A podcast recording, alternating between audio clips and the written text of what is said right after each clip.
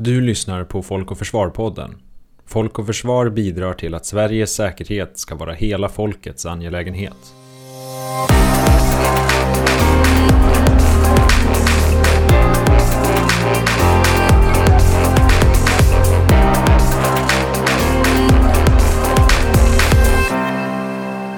Den 17 december 2010 tände den tunisiska gatuförsäljaren Mohamed Bouazizi eld på sig själv i protest mot den tunisiska regimen. Det blev startskottet för den arabiska våren. Protesterna spred sig snabbt i Tunisien och svepte som en storm över flera länder i Mellanöstern och Nordafrika. Demonstranterna krävde regeringsavgångar och demokratiska reformer, men med varierande resultat. I Tunisien, Libyen och Egypten så föll regimerna och demokratiska val genomfördes. Och trots stora utmaningar så tändes då ett hopp om en ljusare framtid. Idag, tio år efter den arabiska våren, har vi kunnat följa en demokratisk utveckling i Tunisien. Men utöver detta så blev drömmen om ekonomisk utveckling, stabilitet och demokrati kortvarig. I Libyen och Syrien utbröt inbördeskrig med katastrofala följder. Och i Egypten ser vi idag en mer repressiv regim än innan revolutionen 2011. I det här avsnittet av Folk och Försvar-podden kommer vi rikta blicken mot Mellanöstern och Nordafrika med ett särskilt fokus på utvecklingen i länderna Libyen och Egypten. Hur gick det till när allt startade 2010-2011 och vad har hänt sedan dess? Vilken utveckling har vi sett i de länderna där, regim, där, där regimerna avsattes eller störtades? Vilken roll har Sverige och andra EU-länder spelat? Bland annat i samband med NATOs internationella insats i Libyen. Och vilka utsikter kan vi se för fred, säkerhet och demokrati i regionen i framtiden? Mitt namn är Hanna Wallan Fager. Jag är programansvarig på Folk och Försvar och kommer leda det här avsnittet. Jag är väldigt glad att vi har med oss två kunniga och erfarna gäster. Först Bitte Hammargren som är journalist, författare och Mellanöstern-analytiker. Och sedan Aron Lund, forskare, författare och även Mellanöstern-analytiker.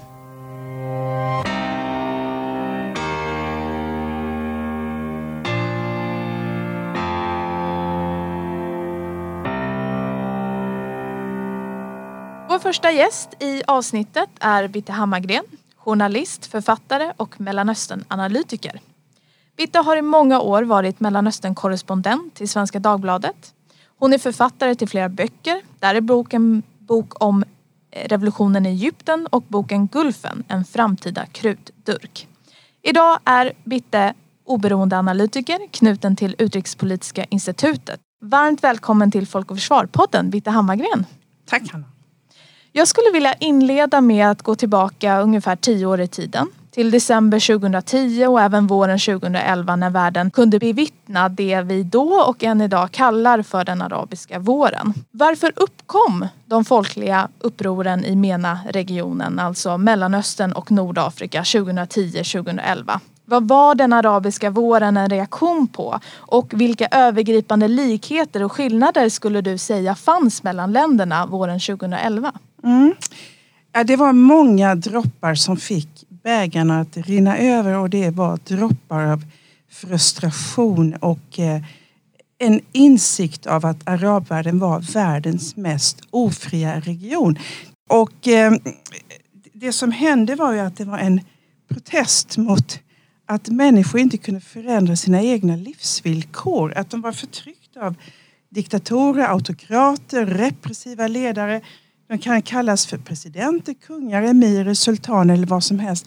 Men de här ledarna hade någonting gemensamt.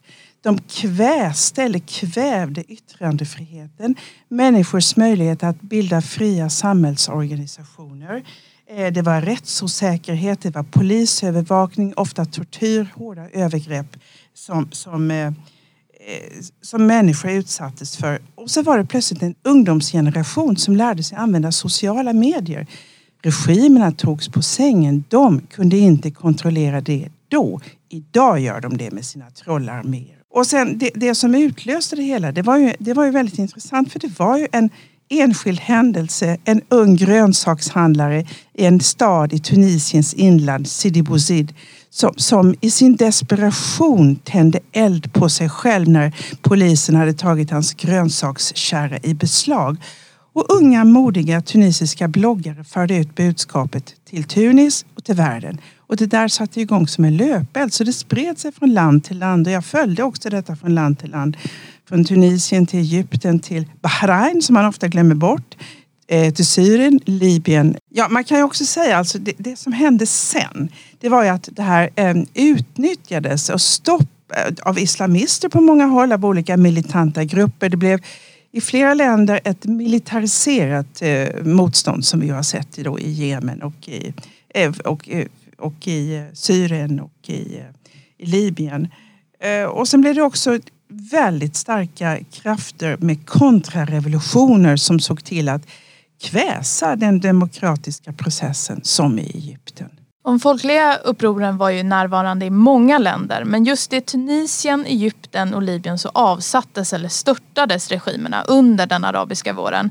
Hur skulle du beskriva att dessa länders utveckling har sett ut under de här senaste tio åren? Helt olika.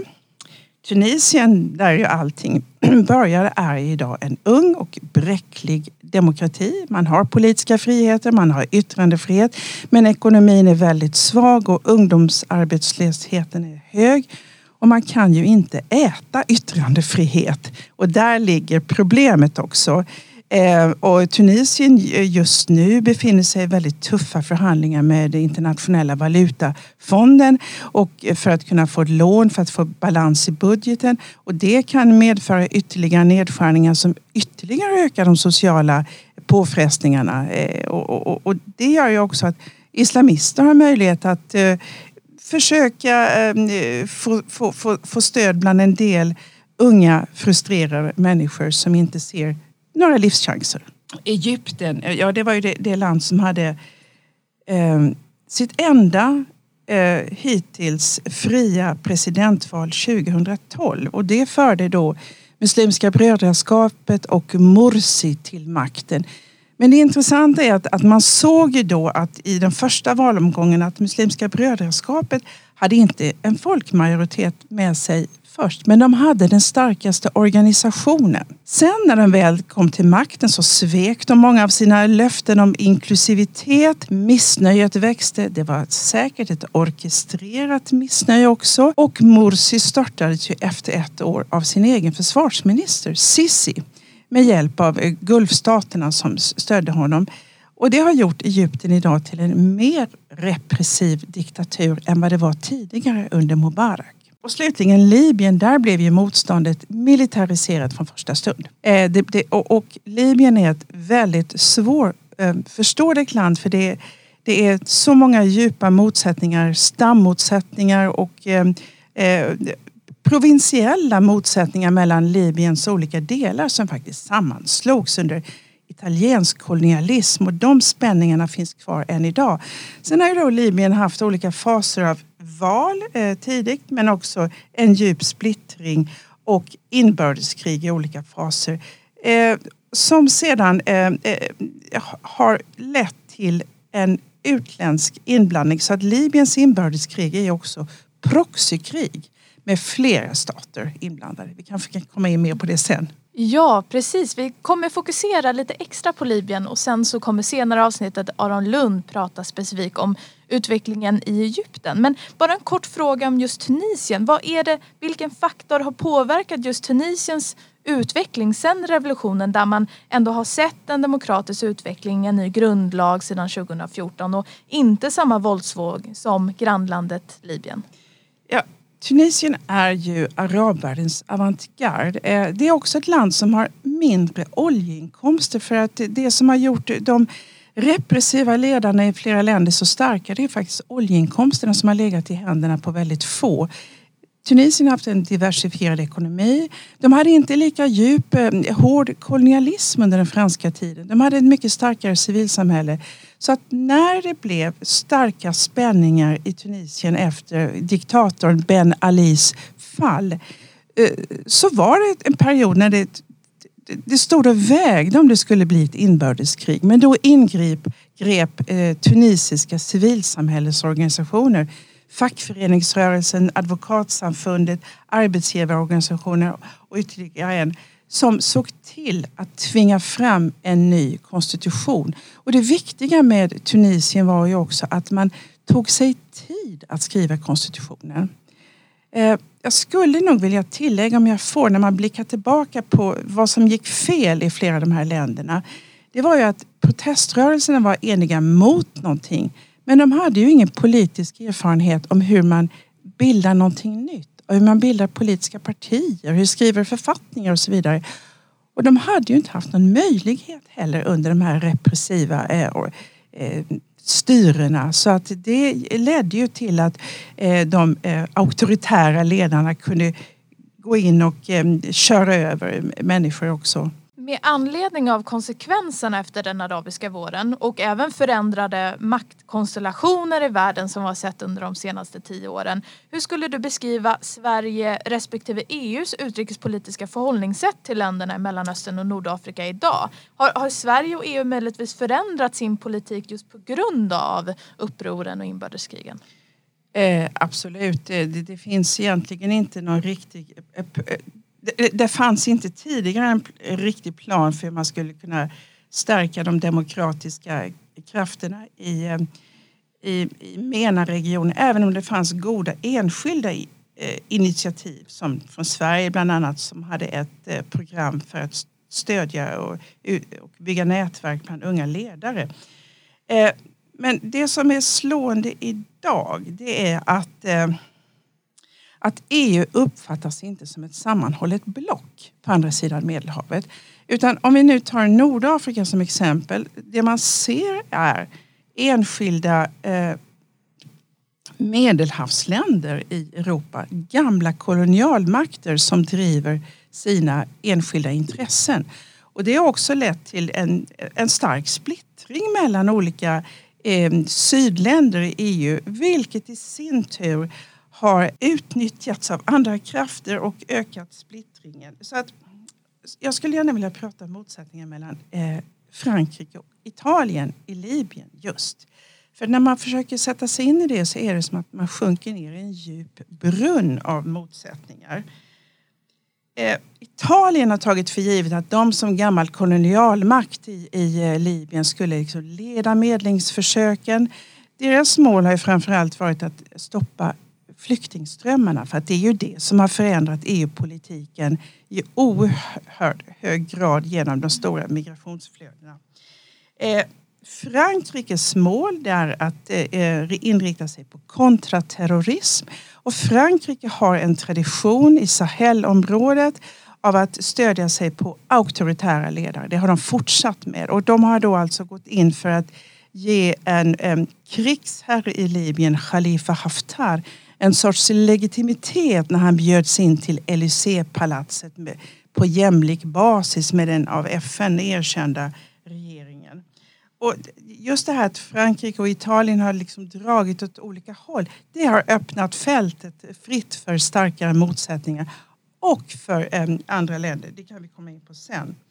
Men, men det är liksom en fransk soloåkning och en italiensk frustration av att de inte har ledartröjan där. Eh, det man kan säga är också att EUs eh, länder längre norrut har liksom släppt den här politiken till sydländerna som ju faktiskt är gamla kolonialmakter. Eh, det, det, det tycker jag är tragiskt. Och om jag får komma in också på Libyenfrågan så, så har ju EU vänt. Tidigare hade man sjöräddningsinsatser i, i, i libyska vatten. Men eh, det avstannade för att man ansåg att det blev en sorts eh, pullfaktor, att det bara ledde till att fler eh, kom över havet.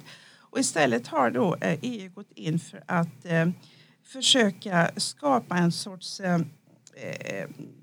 att outsourca migrationspolitiken till länder söder om Medelhavet. Och det här är då väldigt repressiva regeringar. Det är oerhört tveksamt.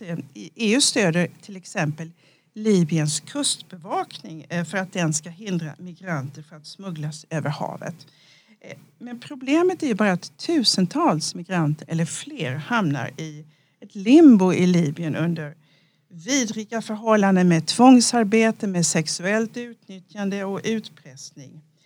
Och FNs högkommissarie Michelle Bachelet riktade nyligen svidande kritik mot eh, europeiska staters och EU-institutioners sätt att hindra eller stoppa sjöräddningsinsatser i libyska och internationella vatten och inklusive deras stöd till den libyska kustbevakningen.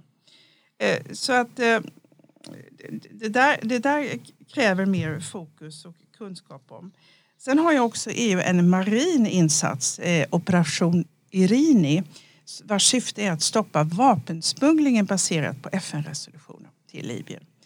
Och det sker med satellitövervakning och så vidare och man tar sig rätt att genomsöka handelsfartyg, att borda dem.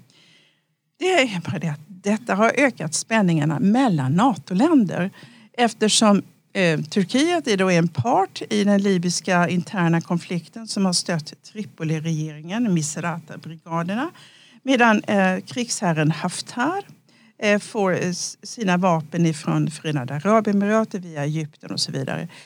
Eh, och Turkiet hävdar att EUs operation är ensidigt partisk eftersom Haftar inte får sina eh, vapen sjövägen så leder operationen till en sorts eh, indirekt sätt att stärka Haftar. Eh, så att det här har ju skapat väldigt hårda motsättningar inom NATO-blocket mellan Frankrike och eh, Turkiet inte minst. Och sen bara tillbaka till Sverige också. Alltså Sverige vill ju gärna bli sett som en humanitär stormakt men det, det, det man ser är ju också att Sverige är en stor vapenexportör. Bland annat till Förenade Arabemiraten. Eh, så det påverkar ju också bilden av Sverige. Och återigen de här tidigare stöden till att, för att stärka unga nätverk bland arabiska demokratiaktivister avstannat. Nu har ju Sverige genom Svenska institutet stöd för bland annat stödja kvinnliga ledarskapsprogram i arabvärlden under en massa namn som She Leads och She Entrepreneurs och så vidare. Tack så jättemycket. Väldigt intressant och viktigt att få den överblicken över det nuvarande läget. Jag skulle nu vilja gå vidare och tala mer specifikt om just eh, Libyen. Ett land i MENA-regionen där utvecklingen har varit väldigt negativ och våldsam sedan 2011. Och idag så anses Libyen vara en kollapsad stat. Sedan inbördeskriget och NATO-insatsen 2011 har landet präglats av en spiral av våld och laglöshet med både förstörelse och geopolitisk splittring men också mänsklig tragedi och lidande. Och däribland ett fullskaligt inbördeskrig från 2014 och, och, fram till en vapenvila i slutet av 2020. Hur skulle du beskriva säkerhetsläget eh, i landet idag och hur ser konflikten ut? Väldigt skört och eh, eh, skakigt. Nu leds ju landet av en interimsregering. Eh, det är en affärsman, stenrik affärsman från Misrata, Abdelhamid Debeiba eh, som, som då leder en interimsregering. Han är, han är kantad av korruptionsrykten och hans mål är då att bli vald i december men även då krigsherren haft här, putsar vingarna, tar på sig kostym inför valet eh, och låter inte Debeiba besöka Benghazi, alltså Libyens näst största stad. Och det är ungefär som om Stefan Löfven inte fick besöka Göteborg. Vilket ju beskriver en del av motsättningarna. Och sen har vi då förre talmannen som också vill eh, stärka sig inför valet. Och i vassen så lurar den störtade diktatorns son Saif al-Islam al-Gaddafi som är efterlyst av internationella brottmålsdomstolen sedan ett årtionde tillbaka men som har lyckats hålla sig eh, på fri fot och klarat sig undan överlämning till Haag. Han siktar också på en politisk comeback, om inte nu så senare. Så det, det finns alltså, väldigt många orostecken men det finns ju också ett försiktigt hopp om att övergångsprocessen ska lyckas. Men det bygger också på att utländska stater tar hem sina legosoldater, upphör med sitt militära stöd, respekterar vapenembargot. Det är oerhört svårt att se att det kommer att ske. Tänk att vi, om vi går tillbaka till tiden före inbördeskriget 2011. Hur skulle du beskriva Libyen som land och vem var Muammar al-Gaddafi som politisk ledare? Gaddafi, han var egocentrisk, han var svårstyrd, han hade ett uttalat sinne för det spektakulära så att när han reste på sina utrikesresor tog han med sig sin kvinnliga livvakt och sitt beduintält som han satte upp på olika platser både i New York och Bryssel och så vidare. Men eh, han var ju helt skrupelfri där hemma. Han var också den eh, afrikanska ledare som höll sig längst kvar vid makten så vitt jag vet. Han genomförde alltså en statskupp 1969 då han störtade dåvarande kungen, en oblodig statskupp. Och han satt kvar tills han bombades ut från sitt presidentpalats, eh, eller sitt palats sommaren 2011. Och sen tillfångatogs i oktober 2011 och av videofilmer att döma så fick han ett vidrigt slut, lynchad till döds på öppen gata. Han kallade sig då inte formellt sett för statschef, han var revolutionsledare. Han har en oerhört lång och eh, krånglig titel som broderlig ledare och vägvisare för revolutionen och i det libyska folkets stora socialistiska Jamahiria. Och det här sista det är ett eget begrepp som han myntade som man kan kalla för folkmassornas stat. Och I hans Libyen så var partier förbjudna, parlament fanns inte och så gav landets oljetillgångar honom en, en eh, resurser till en expansiv och nyckfull utrikespolitik. Så han gick från panarabism till panafrikanism. Alltså han fokuserade mer och mer på Afrika. Han lät utropa sig till kung över Afrika i ett skede. Säkert eh, med hjälp av stamledare som säkert fick mycket bra betalt. Eh, han var rädd för kunskap på sitt eget folk. Eh, under, jag reste i, revolution, i revolutionens Libyen våren 2011 och träffade på medelålders eh, rebeller som berättade med stor sorg och saknad om hur deras skoltid förspilldes av att läsa Gaddafis gröna bok istället för att de fick lära sig riktiga läroämnen. Han var också troende muslim men han stod, slog ner stenhårt på inhemska islamister eh, som vid ett, eh, en massaker in i ett libyskt fängelse.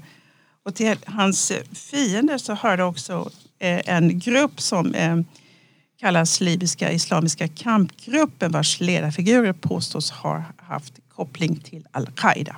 Det finns mycket att berätta men parentetiskt så var staden Derna i östra Libyen i Cyrenaica känd för att ha skickat många frivilliga till al-Qaida i Irak före IS tillkomst. Jag besökte Derna under revolutionsvåren 2011 och blev överraskande väl mottagen med både en nyfikenhet och en längtan hos invånarna efter kontakter med Europa. Senare tog IS kontroll över Derna under ett skede och halshögg koptiska gästarbetare men de blev utkastade därifrån. Tillbaka till Gaddafi. Han hade också afrikanska legosoldater som gick i hans sold och de sattes in för att slå ner de första demonstrationerna i Cyrenaica 2011 eh, vilket ökade rasismen mot svarta afrikaner. Eh, och I hans expansiva utrikespolitik så hade han tidigare invaderat Chad i olika skeden och startat en rebellgrupp som bekämpade Chads franskstödda regim. Och Gaddafi misstänktes ju också för att ha varit inblandad i en rad terrordåd. I Lockerbie, katastrofen, ett diskotekbomb i Berlin, nedskjutning av ett franskt passagerarplan i Afrika. Men han togs in i värmen eh, på 00-talet eh, av europeiska ledare när han skrotade sitt program för massförstörelsevapen och betalade skadestånd. Men att han sen några år senare bombades ut och lynchades till döds fick stora konsekvenser. Eh, jag tror inte att hans förnedrande död stärker ansträngningarna att få andra auktoritära ledare att frivilligt skrota sina program för massförstörelsevapen eller att ge efter för krav på maktdelning. De vill inte gå Gaddafis öde till mötes. Du har beskrivit eh, om, om säkerhetsläget och tiden före inbördeskriget men vilka händelser ledde fram till Gaddafis fall hösten 2011? FNs säkerhetsråd kom överens om ett mandat, eh, ett FN-mandat och också hur speglar det här FN-mandatet vad vi sen såg under NATOs militära intervention i Libyen? Mm, ja, vi börjar med, med det som hände då först i Tunisien efter Ben Alis fall där i januari 2011 och sen Mubaraks fall i februari 2011. Så tog det inte många dagar innan det blev demonstrationer i östra Libyen, i Cyrenaica. Och det som då ledde till vad man kallar för 17 februari-revolutionen. Eh, och det första slaget som ägde rum där det var kring en militär flygplats dit eh, Gaddafi flög in afrikanska legosoldater i ett försök att slå ner rebellerna. Det blev, men det, han lyckades inte med det. Eh, rebellerna plundrade vapendepåer. Upproret spred sig snart till Libyens näst största stad, Benghazi. Där utropades en nationell övergångsregering men i väster, i Tripolitanien, i den västra provinsen, så höll regimen länge stånd och försökte därifrån återta Benghazi. Eh, men den 17 mars 2011 så röstade FNs säkerhetsråd om en flygförbudszon över Libyen. Och den var då baserad på principen om skyldighet att skydda, responsibility to protect. Det var första gången den tillämpades i en resolution. Det byggde också på en fruktan för att Gaddafi skulle iscensätta en massaker mot oppositionens högkvarter i Benghazi. Alltså ett nytt Srebrenica som man var rädd för då. Rösterna i säkerhetsrådet då, det var tio för resolutionen, fem nedlagda, däribland Ryssland. Man kan ha i minnet att då var inte Putin president, Medvedev var president för den tiden. Putin var premiärminister. Så att i botten för insatsen eh, som sen kom, den NATO-ledda, så fanns ju ett FN-mandat för att skydda civila. Men frågan är om NATO överskred sitt mandat genom att inte bara skydda civila utan också bomba ut en regim. Och Ryssland drog ju öronen åt sig efter detta. Tövädret med Moskva kom ju helt av sig. Och det ökade Rysslands misstänksamhet mot NATO och, och bidrog till Rysslands intåg i Syrien 2015 för att stärka Assad-regimen. Uh, Hanna, får jag bidra med några minnesbilder från marken? Alltså jag reser ju då som Svenska Dagbladets korrespondent där eh, under revolutionen, under det skede när Nato hade inlett sina bombningar. Och jag åkte från kustvägen från egyptiska gränsen vidare till Benghazi och längre öster, äh, västerut. Och så såg jag Gaddafi-regimens utbrända stridsvagnar. De låg där som ett pärlband. De var bombmål då för dem, det är framförallt franskt flyg. Eh, under de marsdagarna när pansarvagnarna var på väg mot Benghazi. Eh, och vid den här tiden så, så hyllades verkligen Europa i, i östra provinsen och man höjde EU-flaggor på demonstrationerna. Och man märkte ett massivt stöd för eh, upproret. Men de som var emot höll förstås tyst eller agerade i bakgrunden. Och misstron mellan libyerna var jättedjup. Lita inte på någon annan utom oss, sa libyer som själva var gästvänligheten själva. Och på ett hotell, jag tror det var i Tobruk, så hade jag skottlossning på gården när mörkret hade fallit. Vem som sköt på vem fick jag inte veta men det gav en föraning om hur blodigt det skulle bli. Och I Tripoli så gick ju inte upproret lika lätt. Men eh, under NATO-insatsen så reste jag också längs kustvägen ut till fronten som då låg vid Ajdabia ehm, i deras östra utkant. Och där mötte jag rebeller som spanade efter Gaddafi-regimens bilar. Och de kanske skulle komma då i vanliga Toyota pickup för att smälta in. Eh, rebellerna gick i sina civila kläder, jeans och t-shirt. De hade lättare vapen som de hade plundrat från Gaddafis vapendepåer och dessa enorma mängder av luftvärnskanoner som det fanns av i överflöd. Men de saknade inte bara uniformer, de saknade en tydlig befälsordning och kommunikationsutrustning. Så att vi hörde Natos bombflyg fälla bomber och vi såg rökplymer längre bort. Men rebellerna på marken hade ingen koordination med Natos flyg i luften. Väldigt märklig situation. De visste inte vad som skulle bli Natos nästa bombmål och kunde inte heller rapportera om vilka militära mål de såg. Och det här var ju en, en tid när Obama var amerikansk president. Han, USA deltog men höll sig i baksätet. Och eh, det var ju lett av Frankrikes dåvarande president Sarkozy som satt i spakarna för insatsen. Och han blev ju senare anklagad för att ha velat bidra till att Gaddafi dödades. Eh, så att han inte kunde vittna kanske om hur Sarkozy hade tagit emot mutor av Gaddafi i sin tidigare valkampanj. Och Sverige var också en aktör under Natos internationella militärinsats. Vilken roll spelade Sverige här och även vilka politiska skiljelinjer uppstod hemma i Sverige med anledning av Sveriges deltagande? Ja, Sverige deltog i sju månader med Libyeninsatsen baserat på riksdagsbeslut.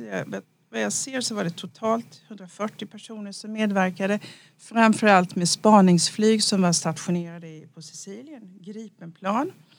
Och som rapporterade till NATO. Så att eh, vi kan utgå från att NATOs bombmål också byggde mycket på, på eh, rapporterna de fick via spaningsplanen.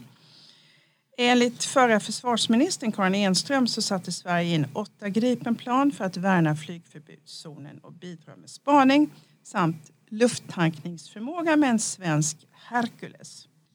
Det jag tycker är påfallande är också att svenska försvarsexperter och politiker i mångt och mycket har duckat i diskussionen om vad NATO-insatsen ledde till. Vilka konsekvenser det blev och vilka lärdomar som måste dras av den på gott och ont. Alltså hur ser man på de civila dödsoffren? Stämmer Natos egna uppgifter om att det var få incidenter av så kallad misfire, felaktiga eh, mål? Eh, överskrevs FN-mandatet att skydda civila? Fanns det stöd i FN-resolutionen för att bomba ut regimen? Och hur ser man på Natos eh, ansvar för de plundrade vapendepåerna och vapnen som spreds över hela regionen från Syrien i öster till Mali i i sydväst och på Rysslands reaktioner. Där skulle jag vilja se mycket mer av svensk debatt, alltså rejäl utredning kring detta. Och enligt afrikanska bedömare som jag har träffat i Nordafrika, i Egypten, i Algeriet så ledde de plundrade vapendepåerna till att terroristgrupper som al-Qaida i, i, eh, i Maghreb och IS fick mer vapen. Så de ser Libyeninsatsen som destabiliserande för Nordafrika och Sahel, från Syrien till Mali. Det är många svåra frågor som man måste ta del av.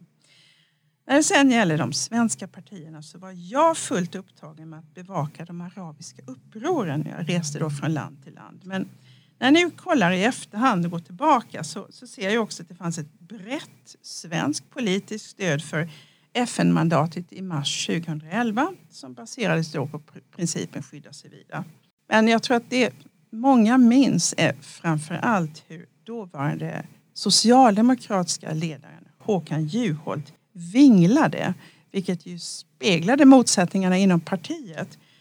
Och Juholt sa efteråt att det enda han ångrade från sin korta tid som Socialdemokraternas partiledare var kompromisserna med Reinfeldt om den fortsatta Libyeninsatsen.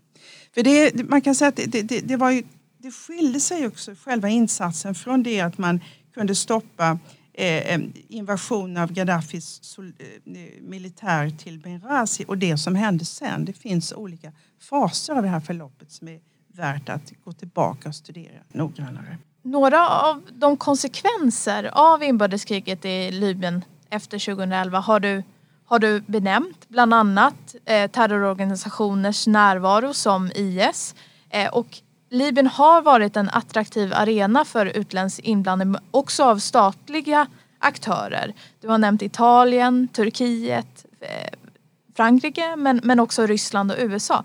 Vilka skulle du säga är de främsta externa aktörerna i Libyen idag och varför är det intressant för stater att stärka sina positioner i landet? Ja, det är intressant för att om man tittar på kartan så är detta ett enormt stort medelhavsland med, med sin långa gräns mot havet och sin sina långa gränser mot länder i Sahel. Eh, så att det handlar om kontroll av migration, kontraterrorism, olja, affärskontrakt för att modernisera Libyens oljeindustri och bygga ny infrastruktur. Men också om att få baser och militära stödjepunkter och militära allianser. Och bland de viktiga aktörerna, du har ju nämnt de här, men man kan ju rekapitulera dem igen. så att då har vi Turkiet som har då ställt sig på de mäktiga Misrata-brigadernas sida. Nu talar vi västra Libyen här. Och den förra Tripoli-regeringens sida. Så har vi Ryssland, Egypten, Förenade Arabemiraten som står på Haftars sida. Eh, och dit kan vi också räkna Frankrike. Medan Qatar har ställt sig på samma sida som Italien. Eh, förlåt, Qatar har ställt sig på samma sida som Turkiet. Och även eh, Italien har satsat på Tripoli eftersom det är där man har sett sin chans att få en ledarroll för, för den fortsatta processen. Så alla dessa stater vill på olika sätt vara med och att dela på Libyens kaka. Men eh, Ryssland vill ju förhindra att Libyen och södra Medelhavet blir ett fäste för Nato. Och Egypten och Förenade Arabemiraten vill förhindra att eh, muslimska brödraskapsliknande rörelser får något att säga till om i, eh, i Libyen och i, i Nordafrika. Turkiet är också en gammal kolonialmakt före Italiens tid. Och Turkiet är fattigt på energi, har militära avtal med Tripoli eh, och har satt in då i kriget sina drönare. Oerhört effektiva, det har vi sett. De har skickat eh, legosoldater eh, i sin rivalitet då med eh, Förenade Arabemiraten och eh, Egypten. För detta är ju ett proxykrig. Men det är fler länder som har skickat legosoldater. Ehm, eh, Förenade Arabemiraten har finansierat sudanesiska legosoldater på Haftars sida. Och så har vi då den ryska Wagnergruppen som ju också har opererat i eh, det libyska inbördeskriget. Eh, så att det finns flera parter eh, som har satt ner alltså, klackarna i, i Libyen på olika sätt och det blir, det blir svårt att se dem lämna. Om de inte gör det är det också svårt att se att det finns en eh, hoppfull framtid för Libyen. Och sen så finns det också en, en oroande FN-rapport till FNs säkerhetsråd som hävdar att Turkiet eh, Eh, med sina drönare har använt sig av autonoma vapen, AI, som är vapen som är programmerade att attackera mål utan att först inhämta data från en operatör. Det som i rapporten kallas för en fire, forget and find kapacitet. Så att det är också så att stater prövar nya vapen på sådana här krigsarenor. Tänkte avslutningsvis, hur skulle du sammanfatta Libyens framtidsutsikter? Alltså vilka reella möjligheter finns det för en framtida stabilitet och en konsoliderad statsbildning? Är det ens realistiskt att tänka en statsbildning eller kommer vi se utbrytar eh, regimer möjligtvis? Alltså jag tror att valet nu som ska äga rum den 24 december är kanske sista chansen att rädda ett enat Libyen. För att det är då tre gamla provinser som slogs ihop under italiensk kolonialism och de spänningarna finns kvar. Så att tyvärr så är det lättast att vara skeptiker här. För de som kämpar om makten nu, de har inte rykte om sig att vara de mest renhåriga. Och så har vi då de utländska staterna som är kvar och deras legosoldater och mycket vapen i omlopp. Och politiska mord som aldrig blir uppklarade. Vi har ett domarväsende och åklagare som har gett efter för hot ett rättsväsende som har avsomnat. Det där är oerhört viktiga frågor också. Och det är allra värst för de svagaste, migranterna, kvinnorna. Mycket är väldigt eh, oroande men kanske inte helt nattsvart eh, ändå för att vi får inte utesluta att, att valet kan äga rum. Men just nu så har Libyen istället för två eh, regeringar rivaliserande fått en jätteinterimsregering där då eh, parterna agerar via sina delegater också och till exempel så har Haftar sin, sitt eget folk i, inne i, i ministerierna och eh, fortsätter med sina direktkontakter till länder som Grekland och Egypten bakom skenet av en övergångsregering som ska bana, bana väg för val i december så fortsätter sprickorna att växa i Libyen. Och det finns risk att vi är tillbaka på ruta ett snart, det vill säga ett fortsatt inbördeskrig. Och då befarar jag att Libyens delning permanentas och ett sönderfallande Libyen kommer öka destabiliseringen av Nordafrika och Sahel viktigt för oss också, även i Nordeuropa. Stort tack för att du ville vara med i Folk och Försvar-podden, medverka, att du tog dig tid och också prata om de här viktiga frågorna. Både en tillbakablick men också en lägesbild över dagens utveckling. Stort tack Bitte Hammargren. Tack Hanna för att jag fick komma hit.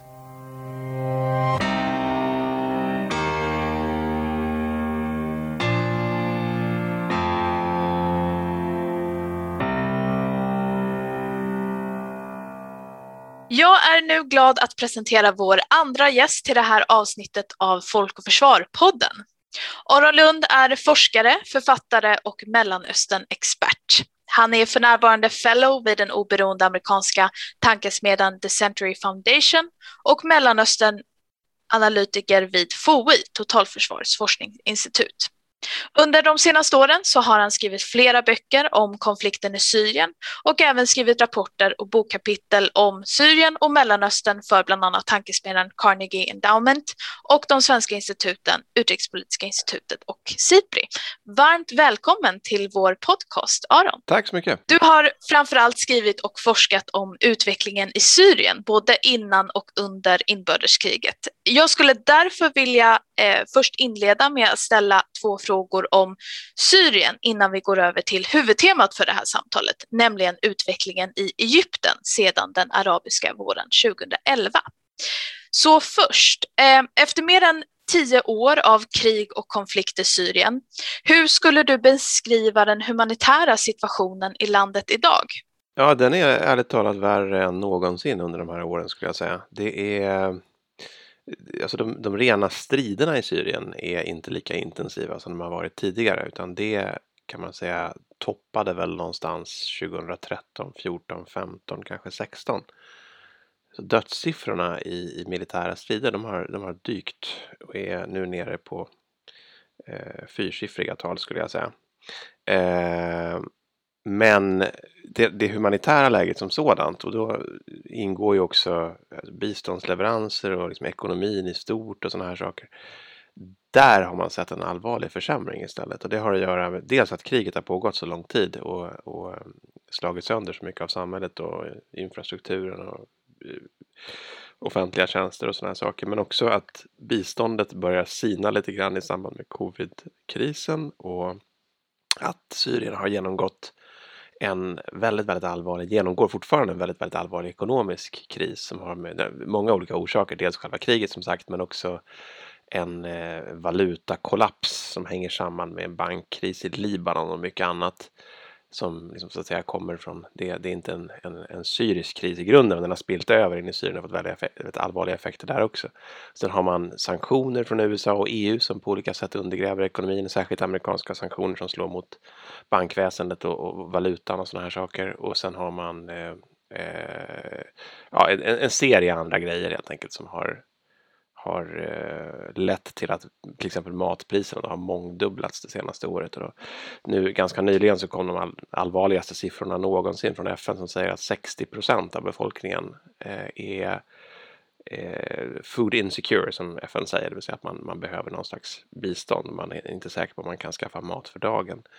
Och av dem så är 1,3 miljoner ungefär eh, så kallade alltså severely food insecure, folk som inte kan Eh, Eh, ja, de skulle inte överleva utan bistånd helt enkelt. Eh, och det här är ju väldigt, väldigt stora siffror samtidigt som biståndstillgången till Syrien är, är det är komplicerat det därför man har eh, olika sidor spelar med tillgången. Assad-regimen försöker beskära FNs tillgång till, till Idlib och sådana här eh, upp, upprorskontrollerade områden och så. så att, ja, eh, för att ett långt sätt att säga att det är riktigt, riktigt illa helt enkelt. Och med den dystra utvecklingen eller det nuvarande läget som du beskriver, inför framtiden, hur skulle du säga utsikterna är för att kunna se en fredlig lösning i Syrien framöver?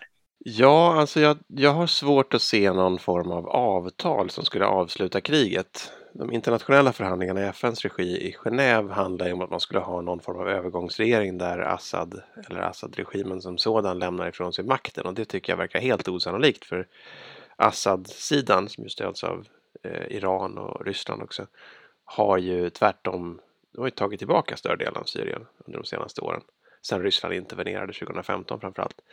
Att de skulle vilja lämna ifrån sig det nu i förhandlingar med, med en i stort sett krossad opposition, det tycker jag är helt osannolikt.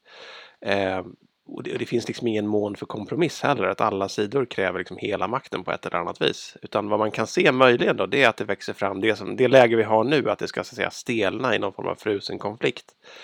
Där Turkiet då stödjer vissa rebellgrupper och islamistgrupper uppe i nordvästra Syrien och så att säga håller linjen åt dem medan USA skyddar kurdiska grupper i nordöst och Ryssland skyddar Assad i de övriga områdena. Eh, att det ska kunna så att säga, sätta sig i landet på ett, på ett sätt där man inte har ständiga strider och att det blossar upp hela tiden och man kanske kan få igång handel och sådana saker mellan de här områdena så man kan få ekonomin att fungera igen. Det, det är ju det är en möjlig utveckling i alla fall men det, det är inte riktigt ditåt man driver heller eftersom det, det, alla är liksom inställda på att använda sin del av Syrien för att störta de andra på något vis. Så, det, så länge det är målet så är det nog svårt att se att det här eh, lugnar ner sig helt och hållet. Stort tack Aron för, för den beskrivningen. Jag skulle nu vilja rikta blicken mot Egypten som är ett av tre länder i Nordafrika där vi såg att regimen avsattes i samband med den arabiska våren som också är fokus för det här poddavsnittet. Kan du kort berätta vad som hände i Egypten våren 2011 i samband med den arabiska våren? Vad innebar revolutionen 2011 som sedan ledde till ett demokratiskt val där Muslimska brödraskapet tog över makten? Ja, det, Egypten var ju så att säga det andra landet som den arabiska våren kom till. Först var det Tunisien där oroligheterna började redan i december 2010 och sen störtas då, eller tvingas diktatorn där, Zine Labedin bin Ali, tvingas fly landet i januari. Eh, och det var väl just i samband med det att, att man ser upproret i Tunisien och så hade man eh, det fanns liksom ett långvarigt missnöje med regimen i Egypten där Hosni Mubarak hade styrt sedan, sedan början av 80-talet. Eh, och jag menar, jag var en del i Egypten innan det. Eh, och det, det, var så tydligt att den där regimen, det fanns liksom ingen som helst inspirerande kraft kvar i regimen. Eh, till och med diktaturer brukar ju ha någon slags narrativ eller någon slags eh, självbild i alla fall. Men det var verkligen bara en gammal farbror som förvaltade diktaturen. Det hände liksom ingenting. Ja, det, det, det, var så väldigt skröpligt och han blev bara äldre och äldre och äldre och ingenting hände och alla gick runt och, och liksom bara väntade på att någonting, han skulle, förr eller senare kommer han trilla av pinn. Liksom. Och då började han förbereda sin son för efterträdande och det var liksom bara en ganska eländig syn alltihop. Och i samband med, med det under slutet av, av 00-talet då så har eh, ekonomin har liksom tryckt på och skapat sociala Eh, problem i landet. Man har försökt reformera ekonomin för att få, få igång eh, statsfinanserna så att säga. Men, men det har fått eh, spilt över ganska hårt på, på, eh, ja, men i form av arbetslöshet och sådana här saker. Och samtidigt så kommer prischocker internationellt som hänger samman med oljepriser och sådana här saker. Driver upp matpriserna och sånt. Så det fanns liksom ett bubblande missnöje. Och det fanns en opposition i Egypten. Det var inte som till exempel Syrien eller sådana här riktigt. Det var inte en Stalin-diktatur liksom, utan det fanns tidningar som var kritiska och skrev ibland ganska elakt om Mubarak själv och sådär också. Och det fanns en opposition, framförallt i form av Muslimska brödraskapet, då, den stora islamiströrelsen. Som, den var olaglig formellt, men alla visste att den fanns och den existerade liksom ändå. Så fanns det ett antal partier som en del var, en del var olagliga, en del var inte olagliga och de hade små tidningar och demonstrationer och sådär då och då. Och det hade liksom aldrig varit ett hot mot Mubaraks regim eh, tidigare, men nu när man hade sett att det gick att göra någonting i Tunisien så får en av de här små oppositionsdemonstrationerna som normalt drar 200 personer och snabbt omringas av 500 poliser så drog den istället tusentals människor. Eh, och sen så spann allt liksom bara ur, ur kontroll på något vis. Att då folk såg att nu händer det och så anslöt man sig och så, så slog regimen till och, och sköt folk och sådär. Och fler anslöt sig då i protest och så bubblade det i hela landet. Och till slut så inskrider militären protesterna börjar 25 januari där och så militären inskrider en månad, ja en halv månad senare, 11, 11 februari. Eh, och petar Mubarak från makten helt enkelt, fängslar honom till slut. Eh, och, och, därmed har ju, har ju regimen fallit säger man då, men det är inte riktigt sant för det var militären, han, han var ju själv eh, gammal flyggeneral Mubarak, så det var ju militären som hade makten och nu är det så att säga militärledningen som petar honom åt sidan och behåller makten. Så att det militära fundamentet för, för Egyptens regim fanns liksom kvar. Eh, men man ger sig in i en liberaliseringsprocess och en demokratiseringsprocess ändå. Eh, under, under mycket jubel och klang och det här är arabiska våren och en väldig optimism och sådär. men samtidigt en massa liksom, sociala och politiska och andra konflikter i, i samhället som har hållits nere under ytan under diktaturåren som, som nu börjar synas på ett annat sätt som gör att det börjar bli ganska stökigt och instabilt och ekonomin har ju ytterligare försämrats av all den här oron och turister har skrämts bort och sådär. Så att eh, det, det, det slutar hur som helst med att Muslimska brödraskapet vinner presidentvalen eh, eh, och parlamentsvalen också för den delen. Eh, och Mohammed Morsi som var brödraskapets kandidat väljs i juni 2012 till ny president. Och sen följer ett år ungefär av, av eh, ja, han, Morsi försöker styra landet, stora delar av statsapparaten håller emot för den befolkas av byråkrater och, och politruker som tillsattes under Mubarak och som kanske har sina lojaliteter någon annanstans eller hos militären och är anti-islamister och sådär så att han får liksom aldrig riktigt grepp om statsapparaten. Och båda sidor använder odemokratiska medel. Eh, Morsi börjar försöka kringgå grundlagen och sådana här saker och skriva om lagarna till sin egen fördel och så. Och protester börjar blossa upp mot det. Eh, och det blir liksom bara stökigare och stökigare och stökigare. Eh, och man får inget slut. Det kommer aldrig den här avslutningen på den här eh, övergången man hade hoppats på. Och sen sommaren 2013 då så, så eh, tar dåvarande försvarsministern eh, Abdel Fattah Sisi som tar, han tar makten helt enkelt i en militärkupp, fängslar Morsi och, eh, och krossar brödraskapet och väljer sig själv till president följande år 2014 och han sitter nu fortfarande vid makten. Det är i, i sammandrag kan man säga vad som, hur det gick med det. Stort tack! Eh, unga eh, 2011 eh, fram, framhålls väldigt eller, eller framhävs som en, som en viktig kraft under den första tiden, eh, 2011 under slutet eh, av, av januari där, där de stora protesterna bröt ut. Vilken roll spelar den unga generationen under den arabiska våren i Egypten? Jag tror det var väldigt viktigt. Det var en eh, det fanns definitivt en sorts generationsaspekt på det här. Att det var första gången den här unga generationen mobiliserades politiskt. Eh, en del av det där hade att göra med sociala medier och sådana här saker. Det, fått lite, det fick lite väl mycket uppmärksamhet i början tycker jag. Att man tittade, det var mycket sådär snack om en Facebook-revolution och sådana här grejer. Jag tycker det, det, det var väl överdrivet men det fanns definitivt ett sådant element i hur man organiserade sig, hur nyheter spreds och sådana här saker. Särskilt i början hur, hur de här allra första nätverken hade väldigt mycket med det där att göra. Ungdomskultur på nätet och, och sådana grejer. Eh, sen när protesterna 2011 då när, när Mubarak har avgått, det får ju naturligtvis bredare anslutning och så, brödraskapet ansluter sig och så vidare. Eh, sen fortsätter det vara protester på, på det här Tahrir-torget, befrielsetorget i, i Kairo. Och mm, det, det, var ju främst unga som var där och demonstrerade och som slogs med polisen och sådär. Jag var där ett par gånger själv, eh, reste i Egypten och inte under själva upproret mot, mot, mot Mubarak men eh, precis efter. Eh, och det, det, var, det var liksom folk mellan 18 och 25 som, som dominerade eh, på det där torget. Utan tvekan. Eh, så ungdomselementet var nog väldigt viktigt i det här. Det, det tror jag verkligen det var. Och det var på något vis ett genombrott för inte bara den generationen utan för, för den liksom det teknologiska språnget som, som hängde samman med det där och också liksom nya typer av slagord. Man lämnade liksom en, en, en, generation av arabisk politik bakom sig med de här gamla partierna och, eh, och det handlade mer om, om, om, förändring i största allmänhet. Eh, och sen så kör ju allt det där fast i, i det faktum att man måste förändra till någonting också. Man kan inte bara byta regim till, till inget särskilt. Man måste ha, vad är det vi ska ha då? Och där börjar ju saker och ting eh, bli mer komplicerade. Eh, när brödraskapet ställer upp på militärens kandidat och, och sådana saker, då dyker de här ideologierna upp igen. Tack!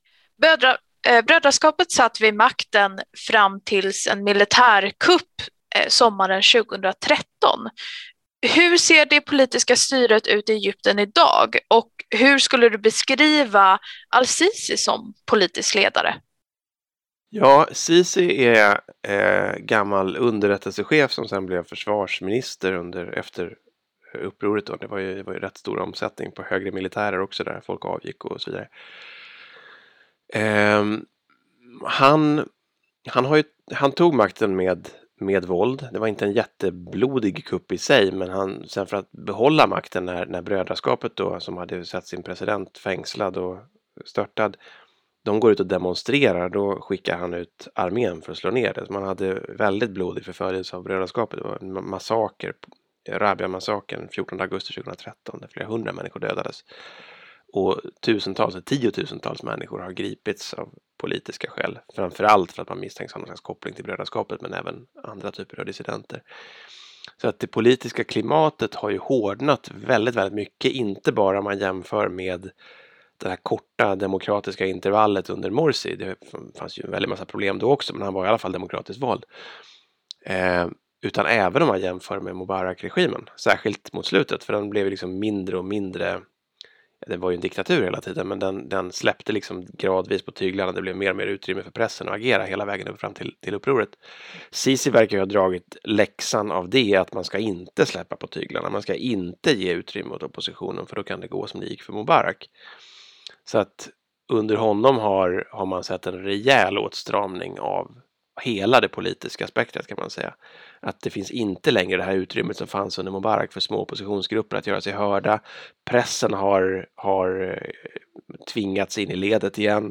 Det finns fortfarande privata tidningar och så, men de har i många fall så har man liksom dragit in dem och tvingat bort chefredaktörer och sådana här saker för att, för att eh, och nu är det liksom bara en, en hyllningskör som det var i Egypten på 80-talet eller, eller 70-talet igen. Eh, så att det, det, det, det är ett väldigt mycket hårdare klimat nu. Sisi som, som ledare har han ju försökt hans stora projekt på något vis är ju att försöka återställa stabiliteten i Egypten efter det här kaoset. Det är det han framställer sig själv som liksom den i och för sig hårdhänte men ändå på något vis välvillige ledaren som ska föra skutan i hamn efter den här stormen.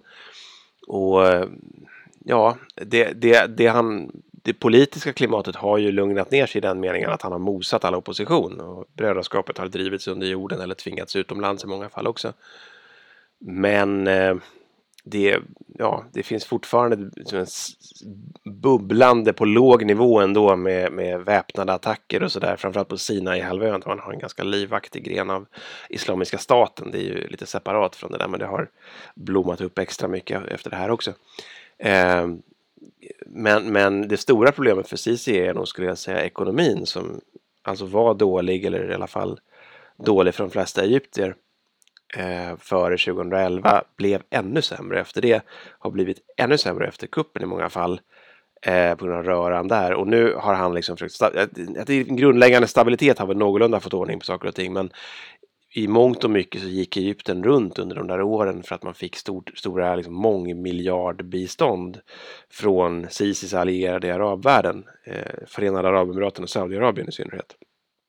Men det är det andra då, att, att eh, förutom det interna så, så är Egypten också insyltat i en massa eh, intriger i arabvärlden och i en massa internationell politik. Och det kanske vi kan komma tillbaka till senare. Men, men det har varit en viktig dimension i det, att brödraskapet stöds av vissa stater och, och Sisi stöds av andra stater. Men just vad gäller ekonomin så eh, det, det tuggar på så att säga. Och, men Sisi verkar ju inte riktigt ha eh, eh, No, no, hans idé om hur man startar ekonomin har handlat väldigt mycket om att man ska bygga jättestora projekt för de här pengarna han får in från från Arabemiraten och andra länder. Han har dragit igång, han har liksom expanderat Suezkanalen till exempel. Och det, det var kanske ingen dum idé då såg vi den här, när den här båten fastnade så att det fanns en poäng med det. Men eh, om man ska bygga en ny huvudstad utanför Kairo, man har gett upp tanken på att man ska kunna liksom reformera Kairo och bygga i ordning med, så att den kan fungera trafikmässigt och sådär. Staden bara växer och växer och växer. Eh, men det är den typen av jätteprojekt han drar igång och sen så hamnar liksom mer och mer av ekonomin hamnar i militärens händer. Att det är guvernörer och, och företagsledare och andra som har inflytande över över ekonomin och över statens ekonomiska satsningar tenderar allihop att plockas från militären. De kommer liksom ur Sisis nätverk och hans anhängares nätverk. Så var det redan innan 2011 under hela tiden egentligen, men det blir mer och mer så. Um, och det där är inte nödvändigtvis en hållbar um, uh, väg framåt tror jag. Att man har egentligen sett att de problem som fanns före 2011 finns ju kvar i väldigt hög grad och har ofta blivit värre. Um, så att hur länge det går att trycka ner det med ren repression, det återstår ju att se, men hittills har det funkat. Väldigt intressant eh, att höra och som du nämner så har demokrati och mänskliga rättigheter i Egypten försämrats under de senaste åren. Eh, jag har bland annat sett att Egypten idag är ett av de länder i världen som fängslar flest journalister och efter Kina och Iran så genomför man flest avrättningar. Det är en dyster syn, men hur skulle du beskriva utsikterna för möjligtvis en framtida demokratisk utveckling i Egypten och i de fall ett folkligt missnöje faktiskt har lovat uttryckas i landet, vilka krav på förändringar är det då som lyfts, lyfts fram? Jag tror möjligheterna för en demokratisering är väldigt dåliga. Eh, det, det, finns inte längre, om det någonsin fanns det, oppositionskrafter och civilsamhälle som skulle kunna bära en sån förändring tror jag. Och det som hände 2011 till 2013 Eh, och förföljelsen av Brödraskapet efter det. Man ska komma ihåg att Brödraskapet är en väldigt stor organisation som hade många, många hundratusen medlemmar, kanske miljoner medlemmar. Eh, sympatisörer i alla fall. Eh, så att det har liksom slagit väldigt brett i samhället. Det är stora delar av samhället som är ganska rasande över vad som hände där. Eh, det som hände då har ju då blivit, det är ju så att säga det är yt ytterligare ont blod. Va? Så att det, jag tror att det finns många som jublade över störtandet av Mubarak som nu känner sig brända av hela upplevelsen. Antingen att man stödjer Sisi eller för att man inte gör det så att säga och kanske inte längre är så entusiastisk över gatuprotester och, och, och politisk kalabalik. Så att jag, jag, har svårt att se någon, någon, eh, någon demokratisering. Eh, det, det, är väl om Sisi själv skulle liksom ge sig in på någon slags liberaliseringsprojekt och vilja ta ett steg tillbaka. Om han känner att det är säkert nog för det så att säga. Att han vill återställa lite grann av det. Släppa på trycket lite grann. Men eh, några sådana instinkter eller intressen har han ju inte visat prov på hittills kan man säga. Utan det har varit eh, full, full repression hela vägen. Det man ser det är väl just ekonomiska krav. Men myndigheterna tenderar ju att betrakta det som någonting eh, samhällshotande också för att de är rädda för just det. Eh, jag tror inte att CIC är särskilt rädd för liksom, Eh, intellektuella dissidenter som sitter och spekulerar på Facebook. Man slår till mot dem också för all del. Va? Men det är inte där man har, det är inte det man har mardrömmar om, utan det man är rädd för det är väl brödraskapet eh, och islamister i allmänhet kanske i viss mån. Och sen är det sociala protester av något slag. Eh, fackföreningar eller hungerkravaller och sådär. För att Sisi kan ju inte få ordning på ekonomin och de där problemen går inte att komma bort från. Och när folk inte har mat att äta då blir plötsligt risken att gripas eh, lite mindre viktig än att man måste få mat för dagen. Så det där är någonting man är, man är orolig för tror jag. Och sen det sista men inte minst viktiga det är ju vad som händer inom militären. Eh, det är ju en stor svart låda där man inte ser vad som händer alls egentligen. Men precis som kuppen 2013 kom från ingenstans egentligen, eller ja, man visste att det var ett missnöje och så vidare, men eh, och precis som militären agerade 2011 och, och, och, tidigare i Egyptens historia så utspelar sig mycket av den egentliga politiken i Egypten inte i parlamentet och inte i pressen och inte i regeringen utan det är militärbarackerna och officersklubbarna som man, som man sitter och viskar tillsammans. Eh, och det tror jag är eh, något som Sisi förmodligen lägger ganska stor del av sin tid på, att se till att han sitter säkert där. Eh, och det har skett rätt mycket rokader i militärledningen och sådär, men, men det är svårt, och, svårt för oss utomstående att, att följa. Tack! Jag tänkte att vi skulle avsluta en, med en fråga om landets relation till sina grannländer och position i regionen. Hur ser Egyptens politiska och ekonomiska makt eller inflytande ut i regionen idag? Jag tänker exempelvis vilken roll landet har att spela i regionen, fred i Syrien, säkerhet och stabilitet i Nordva Nordafrika men också kanske en tvåstatslösning Israel-Palestina där landet bland annat har varit inblandad nu senast eh, i upptrappningen som, som pågick tidigare i våras. Ja, eh, alltså Egypten är ju en nyckelstat i Mellanöstern på väldigt många vis och har alltid varit det. Eh, det är den största arabiska staten. Den ligger där mitt i mitt i Mellanöstern, Nordafrika, i skarven där så att säga, kontrollerar Suezkanalen, har den här rollen i Israel-Palestina-konflikten med, med gränsen till Gaza som alltid varit väldigt viktig och spelar roll liksom både i, i Afrika och i Mellanöstern. Eh, så det är ett land som spelar väldigt stor roll. Men, men däremot den här traditionella ledartröjan som Egypten hade på i alla fall 60-70-talet eh, och som man gärna fortfarande ser sig själva i. Den har man nog tappat av många skäl och i synnerhet efter 2011 när man har varit så fokuserade på sina interna problem och sedan tvingats gå med tiggarskål i hand till, till Gulfstaterna för att be om pengar för att finansiera ekonomin helt enkelt. Eh, så att eh, Egyptens roll har ju krympt kan man säga, men, men man börjar se ett litet återvändande nu under Sisi när, man, när det börjar bli tydligt var landet står, Eh, att han står säkert, att, att, eh, att landet har en tydlig tillhörighet i den inom arabiska politiken och sådär. Eh, och det är ju en viktig grej, jag nämnde det lite grann tidigare också, att det i, i, i arabvärlden eller i Mellanöstern i större mening så har en av de många konflikter, finns ju Iran mot Saudiarabien, en sån här typisk eh, viktig konflikt som drar in många länder. Men en annan viktig grej har länge varit att Qatar och Saudi, eh, förlåt mig, Qatar och Turkiet har, eh, eh, Turkiet är inte ett arabland då, men eh, har, har eh, stått mot flera arabiska länder som eh, till exempel då Saudiarabien, Förenade Arabemiraten och några andra och till e- e- Egypten har liksom befunnit sig i, precis i skärningspunkten där. För att Qatar och Turkiet stödjer i väldigt hög grad Muslimska brödraskapet runt om i regionen. Och för dem var det en enorm seger att Morsi kom till makten 2012. Och det var ingen slump då att Förenade Arabemiraten och Saudiarabien hjälpte till och stödde den här kupp, eh, stödde Sisis kupp och, och, och skickade enorma summor i bistånd när han hade tagit makten. För att för dem har det handlat om att rulla tillbaka den här turkisk-katarisk muslimska brödraskapet, axeln eller vad man ska kalla det.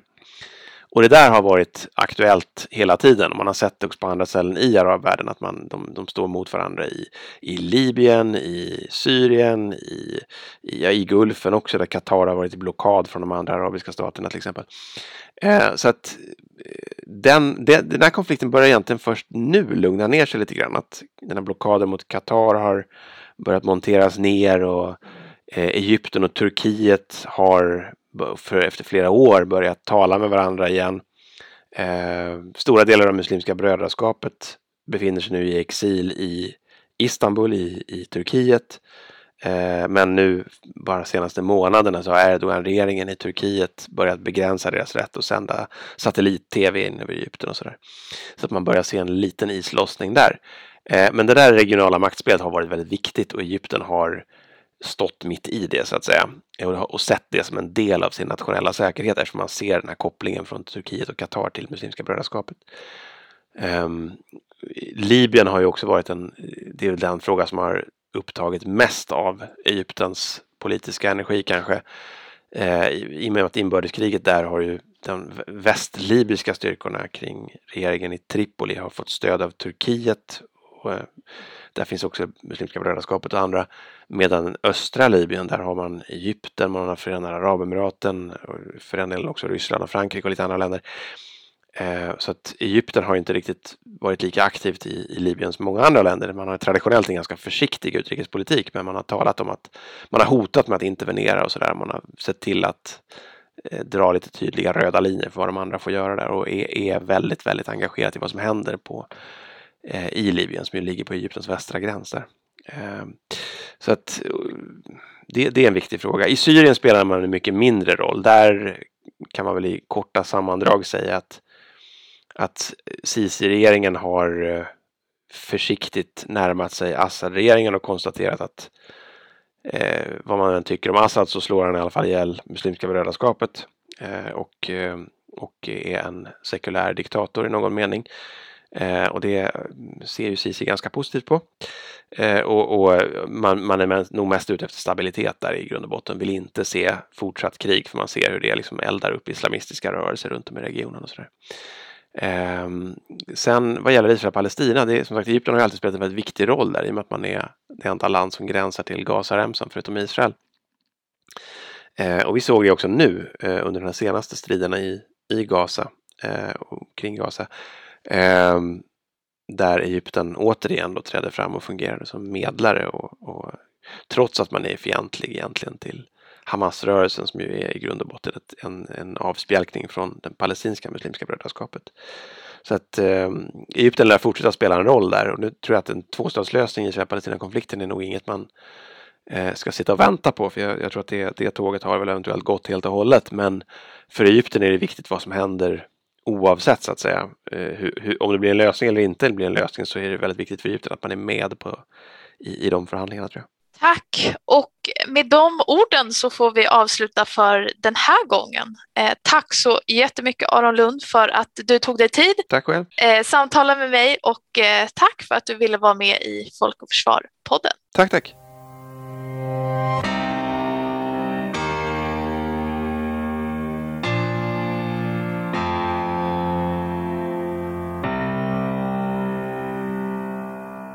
Du har lyssnat på Folk och Försvar-podden. Podden är skapad av Hanna Wärland Fager. För att ta del av mer av vår verksamhet, besök vår hemsida www.folkochforsvar.se